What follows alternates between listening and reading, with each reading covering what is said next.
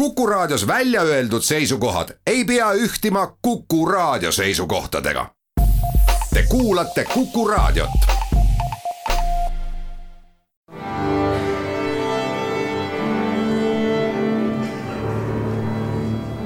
daamid ja härrad, Eesti Kontserdi saade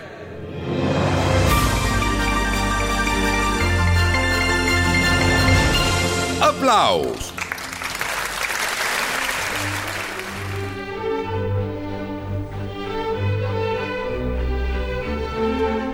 tere kõigile, aplaus on eetris ja mina olen Lauri Aav.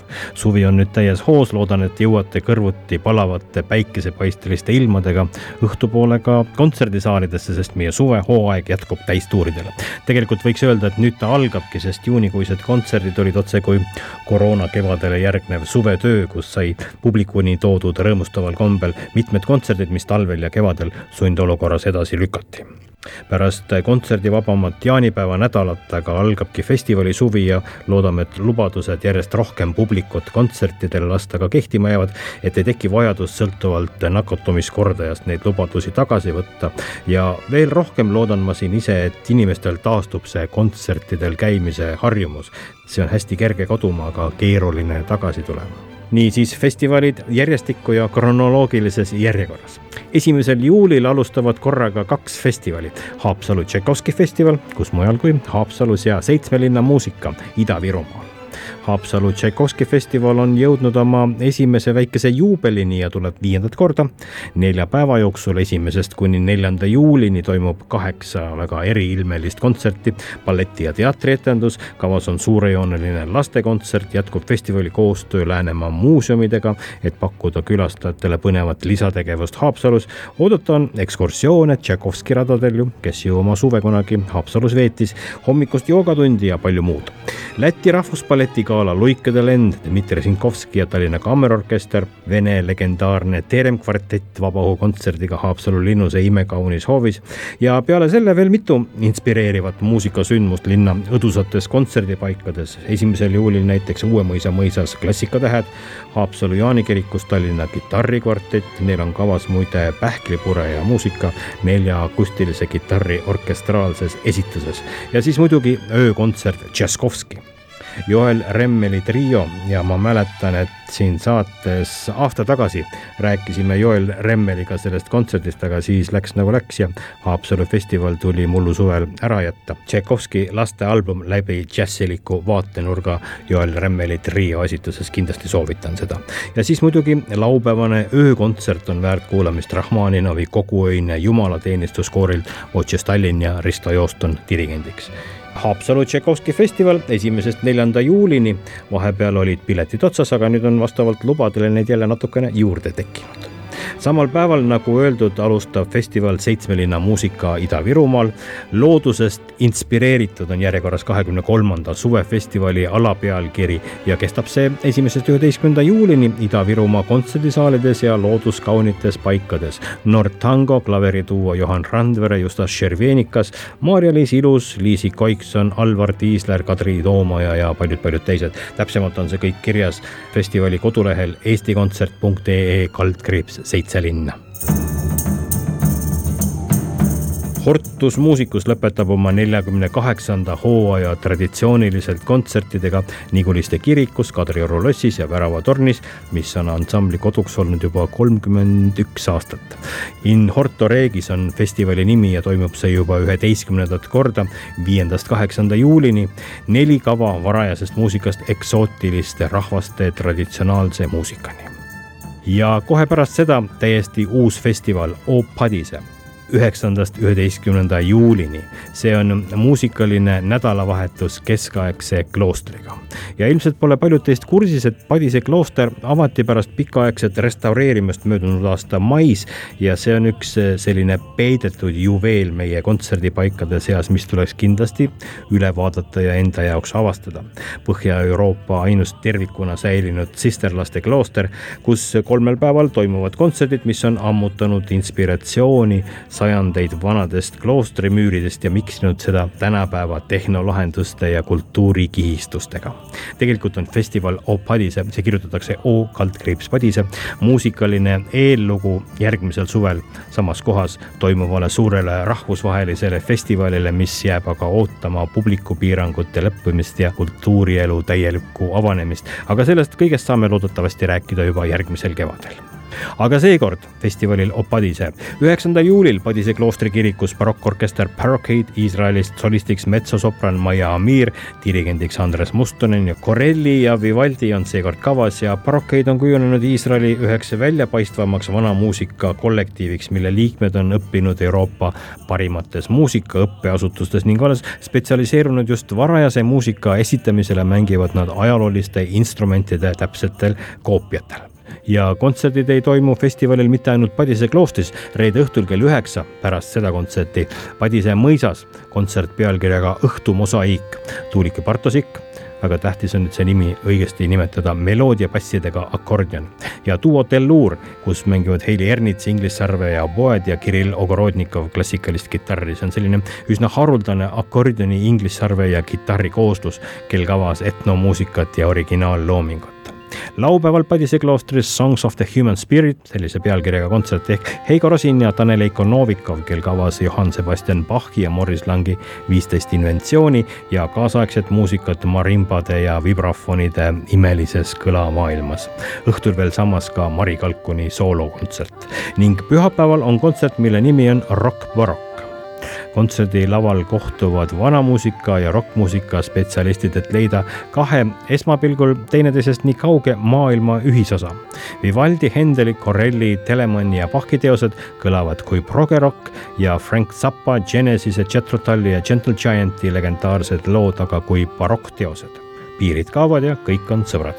Valter Soosalu on üks osalistest sellel kontserdil, kellega kohtusime eile lõuna ajal Kalamaja ühes lärmakas tänavakohvikus ja küsisin esimese asjana, et, et kes ta siis nüüd on, kas rokimees või barokimees?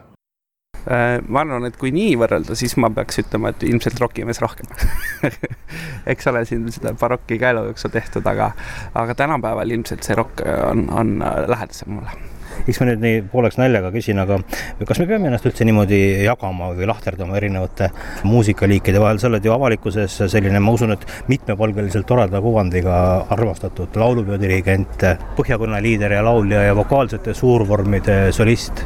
pead sa ennast lahterdama üldse? Ma arvan, et see juba selles mõttes vastab iseenesest ära, et ma ei kipu lahterdama väga.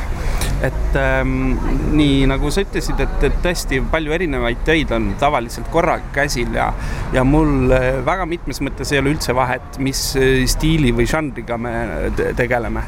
et kuidagi ma ise lähenen asjadele, ma tahaks arvata, et üsna samamoodi et ikkagi tuleb ise asjade vastu huvi tunda ja, ja siis need asjad loodetavasti õnnestuvad. kas see viib kuidagi ka selle kontserdi sellise üldisema idee juurde, kus on pandud kokku ühel kontserdil barokk ja rokkmuusika, kus äh, barokkmuusikud mängivad äh, rokkmuusika klassikalisi teoseid ja kes tavaliselt mängivad rokkmuusikat, mängivad äh, barokkmuusikat? Jah tõenäoliselt, et ma, ma ise selles mõttes olen ka arvanud juba tükk aega, et seda lahterdamist ja sellist eraldamist ja, ja ka nende maailmade eraldamist laiemalt on liiga palju. et kuidagi see, et, et mis stiili muusikat sa mängid, see justkui või, või laulad, et see justkui määratleb sind inimesena ka kuidagi. et sellesse ma kohe kuidagi ei taha uskuda, aga kahjuks on see veel tänapäeval äh, paljuski tõelisus ja ma, mul tõesti ei ole sellesse usku, et, et me peaksime muusika žanriliselt kuidagi võõranduma üksteisest või et, et, et, et kuidagi vale oleks arvata, et muusikažanre kui selliseid saab üleüldse panna sellisele skaalale, et parem või halvem või kvaliteetsem või ebakvaliteetsem. et see, et kohtuvad eri žanride esindajad ja, ja võtavad üksteise tegemistest osa, ma arvan, et see on ainult hea, lihtsalt oluline ongi see, et seda tuleb teha ka siis kvaliteetselt. et see asi peab veenev olema ja, ja, ja, ja siis on, ma arvan, sellel asjal õige nägu Jethro Tull ja Gentle Giant, Frank Zappa, on see kõik sinu muusika varem ka olnud? see on ühel üsna pikal ja, ja ma arvaks, et minu mõnes mõttes kujunemise perioodil olnud, olnud üks põhiline niisugune maailm, kus ma muusikaliselt elan, et meil muusikakeskkoolis õppides ei antud koolisüsteemi kaudu küll väga valikut, et missugust muusikat üleüldse on võimalik teha, et seal need piirid mulle tunduvad, on, on mõnes mõttes päris kitsad aga, aga siis sellest väljapääsemiseks me tegime oma valikuid ja, ja siis nii-öelda koolist võtsime vaba aega ja, ja nii palju kui anti ka vaba aega, siis me tegelesime hoopis teistsuguse muusikaga kui, kui see, mis, mis koolisüsteem ette nägi, et, et sinna kindlasti need vanakooli progeroki asjad ka kuuluvad, et mul endal isiklikult samamoodi, eks ole, ansambel Põhjakon, mis umbes täpselt on siiamaani sihtinud sellesse ajastusse või sellesse stiili ja ja, ja, ja eks need eeskujud kuskilt mujalt ju ei saagi tulla sel juhul see kontsert on Padise kloostris keskaegsete müüride vahel. kumbale stiilile see koduväljaku eelis annab seal? vot seda ma ei oska isegi öelda, selles mõttes ta noh, ajateljel vaadates ilmselt on barokile lähemal, aga, aga noh, see, mis, mis rolli need, need hooned tänapäeval kannavad, et see, ma arvan, on juba selline ajatum mõõde, et, et küllap mõlemad sobivad hästi, et ma ei, ise, isegi nii ei oska öelda, et eks seal saab siis kohapeal akustikaga tutvuda ja vaadata, mismoodi see rokk seal elama hakkab, aga küllap, küllap mõlemad pooled saavad hästi esindatud me nimetasime siin ennem ära sinu kolm rolli kooridirigendi, rokkmuusiku kui ka barokkmuusikas tegijana. üks asi jäi nimetamata, sa oled viimasel ajal üks maailma parimat harpeitši mängijat. miks sa sellel kontserdil harpeitšit ei mängi niimoodi, noh, võib-olla võiks ka, aga ma natuke, noh, kuidas öelda, et mitte öelda, et tuleb stiilset defitsiiti hoida, siis võib-olla lihtsalt endal on ka mõnikord toredam äh, hoida vaheldust ja mitte igal pool seda oma lemmikteemat sisse pookida, et et ähm, natuke muidu jääks endale selline äh, koledal kombel reklaamimehe mulje nagu külge, et ka, aga üldiselt see Harpeggi on, on tõesti mu kõige, kõige lemmikum teema praegu. ja see sobiks sinna kontserdisse tegelikult äh,? küllap sobiks, aga eks me siis näeme teda tulevikus äh, niisugustel kontsertidel, kuhu ta ka sobib Rock Barokk, Valter Soosalu laulab, Tõnu Jõesaar mängib kambat, barokktšellot ja elektritšellot, Melissa Jõesaar viiulit ja elektriviiulit, Neeme Pundar flööti NNA-l klavessiini ja süntesaatorit ja siis Bent Järve akustilistel ja elektrikitarridel, Raimond Mägi bassil ja Hans Kurvitsa löökriistudel. kõik oma ala suured äh, spetsialistid ja tuntud nimed. kontserdikava pidi tegelikult publikuni jõudma Eesti Kontserdi kontserdimajades juba maikuus, aga tuleb pärast mitut edasilükkamist lõpuks ettekandele Padise festivalil ja see on esietendus. üheteistkümnendal juulil kell neli Padise kloostri kirikus ja sealt edasi on Saaremaa ooperipäevad juba kiviga visata. kahekümnendast kahekümne neljanda juulini toimuvad need seekord, aga sellest kõigest räägime täpsemalt juba järgmises saates. seniks aga muusikarikast suve teile ja kõike paremat.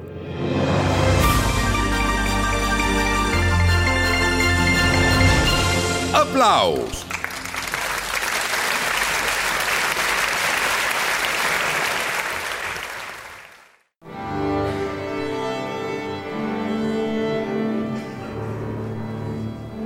daamid ja härrad, Eesti Kontserdi saade.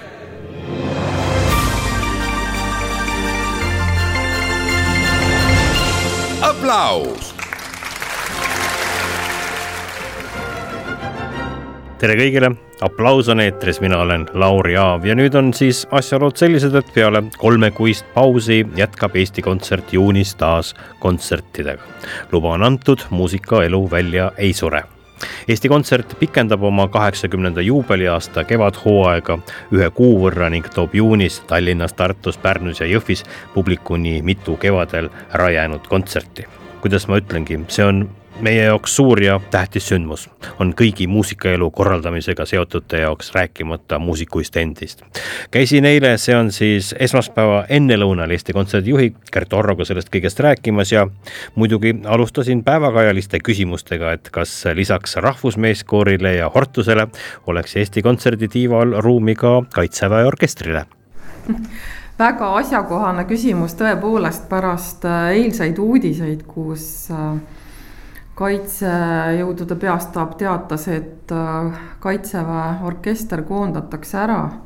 kultuurimaastikul äh, olevad inimesed sellisest otsusest muidugi aru ei saa, sellepärast et äh, teatavasti mängivad Kaitseväe orkestris tipp-professionaalsed muusikud, keda on ju ka Muusikaakadeemias selleks koolitatud ja kui kaitseväge võetakse edaspidi pelgalt kui lihtsalt sellist sõjalist inimressurssi, andmata aru, et ka seal on vaja inimestel inimeseks jääda, mida ju võimaldab äh, kultuur, siis on see tõeliselt kahetsusväärne. ma loodan, et äh, siiski see otsus vaadatakse veel kord äh, üle, kuna praegu tundub küll, et tegemist on täiesti läbimõtlemata otsusega, lihtsalt jalalt niitmisega ja ja ma Eesti Kontserdi juhina küll ei oska kalkuleerida, et äh, sellise koondamisega me saaksime märkimisväärselt siis kaitseressurssi juurde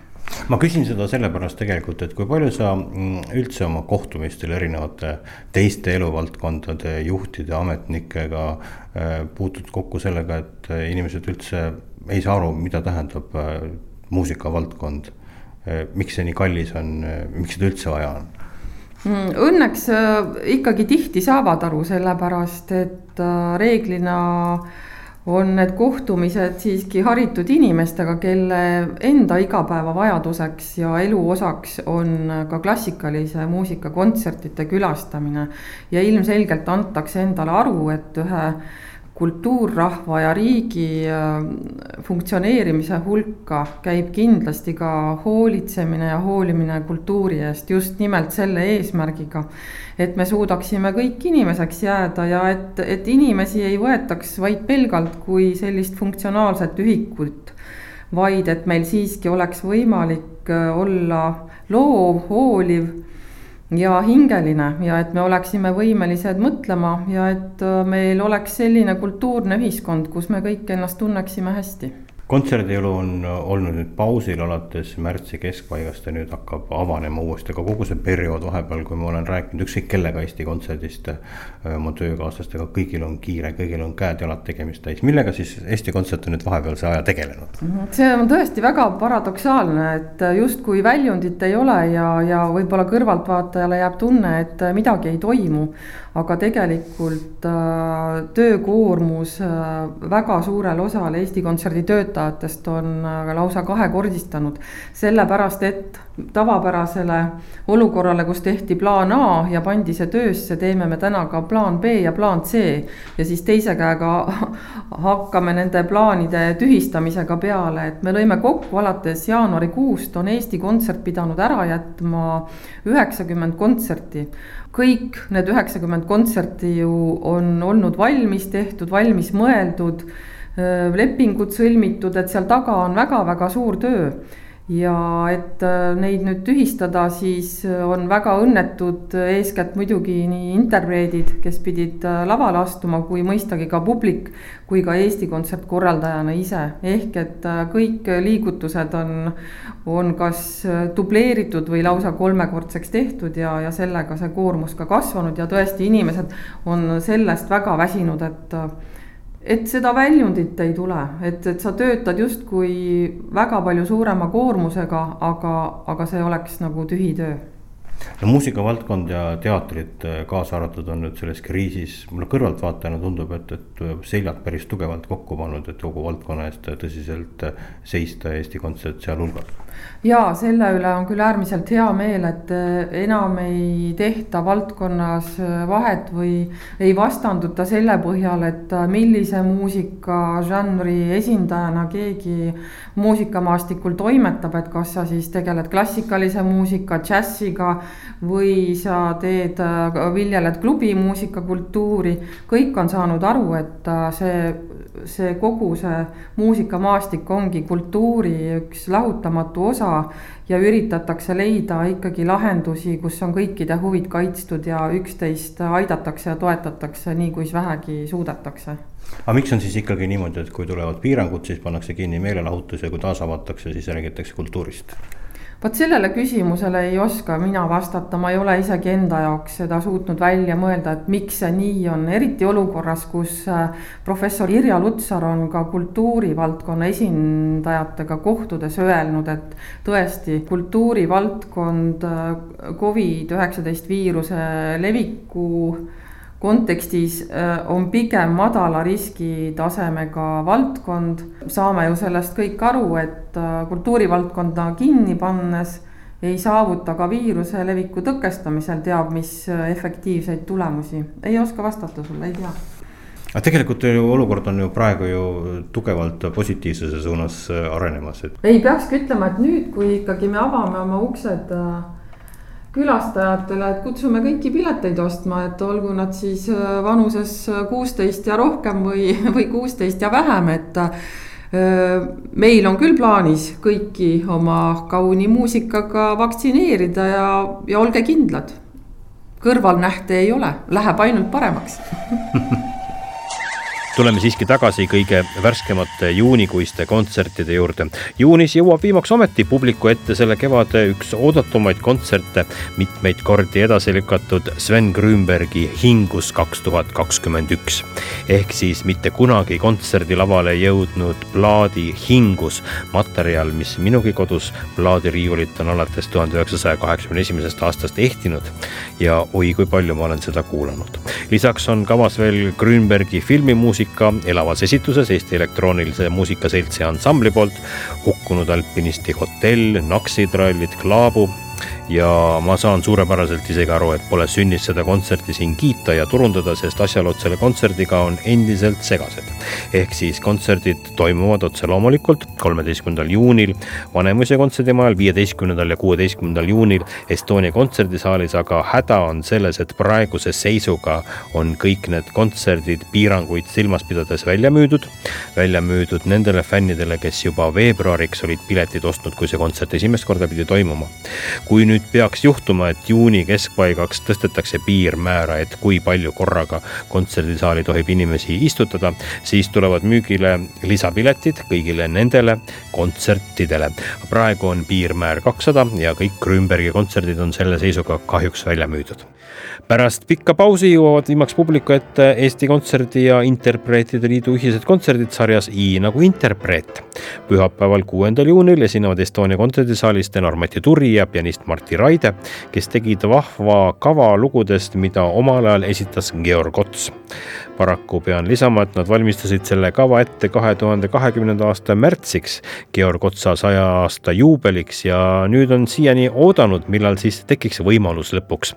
kuuendal juunil see võimalus lõpuks tekibki ja Mati Turi ja Martti Raide on siis teie ees. üheksandal juunil astub Estonia kontserdisaalis üles pianist Age Juurikas, sooloõhtu kava on pühendatud Beethoveni ja Listi klaverimuusikale ja kolmeteistkümnendal juunil on teie ees Sten Lasman, kellega siin eelmises saates just pikalt rääkisime ülimusliku kavaga Non pluss ultra. renessansi ajastul sai äh, nagu antiigi taaselustamise võtmes väga tähtsaks metafooriks just nimelt see non pluss ultra, mis siis müütide järgi tegelikult oli mm, Heraklase sammastele ehk Gibraltari väina külgedele kirjutatud ladinakeelne moto, et äh, siit edasi ei, ei ole või et noh, ühesõnaga siit edasi minnes tegelikult on siis tundmatu, avaneb tundmatu maailm, et see, te olete tuntud ja igapäevase maailma piiril, siit edasi astudes omal riisikul astute tundmatusse. non pluss ultra teine tähendus on ju see, et see tähendab midagi niivõrd kõrget, keerulist, sealt edasi nagu tegelikult ei ole võimalik minna, ütleme selline tõeline Everest ühtegi sammu enam kõrgemale ei ole võimalik astuda. aga just nimelt see soolokava nüüd on, on tõesti igas mõttes non pluss ultra, sest siin on kõikides aspektides mõnes mõttes selline viimane sõna läheb mängu. ja noh, see on erakordselt riskantne ettevõtmine igas mõttes. tegelikult igasugune suu pruukimine sel teemal on ka ohtlik kümnendal juunil toimub Estonia kontserdisaalis samuti kauaoodatud ja mitu korda edasi lükatud Eesti Rahvusmeeskoori kontsert, mis ilmutab mulle hiis. see on selle kontserdi pealkiri ja Riho Esko Maimetsa meeskoori looming on kavas. Torontost pärit ja nüüd juba mõnda aega Eestis kodumaal resideeriva helilooja doktorieksam on samas see kontsert. dirigent on Mikk Üloja ja endiselt saali lubatakse vähe inimesi Hortus muusikuse esimese kontserdi pealkiri on Maikuus kuked kirevad. seega loodetavasti mõistate, et see on ainus kontsert, mille me peame enne juunikuud ära korraldama. väravatornis intiimselt kõik need kontserdid on tulemas ja seda veel viiendal juunil, kaheteistkümnendal juunil, muide siis on Hortuse liikme helilooja Tõnis Kaumani juubelikontsert seal. ja Hortus on väravatornis veel ka üheksateistkümnendal juunil, et siis juuli alul jätkata juba Hortuse enda festivaliga In Horto Regis juunis jätkub ka kontserdisari Klassikatähed, viiendal juunil Kadrioru lossis kuulajate ees klassikatähtede publikulemmik viiuldaja Triinu Piirsalu ja Toomas Oskar Kahur tuubal ja klaverilt saadab neid Lea Leiten tuleb muusikaliselt tihe juunikuu, pisut harjumatult meile kõigile, aga ongi praegu selline teistmoodi aeg. meie jaoks on äärmiselt oluline, et publik uuesti elavas esituses muusika enda jaoks üles leiaks ja kontserdil käimine jälle taaskord harjumuseks saaks. mis muud, kui et kohtume juba mõnel kontserdil, kas siis kontserdisaalis või õues ja juba õige pea, kõike paremat teile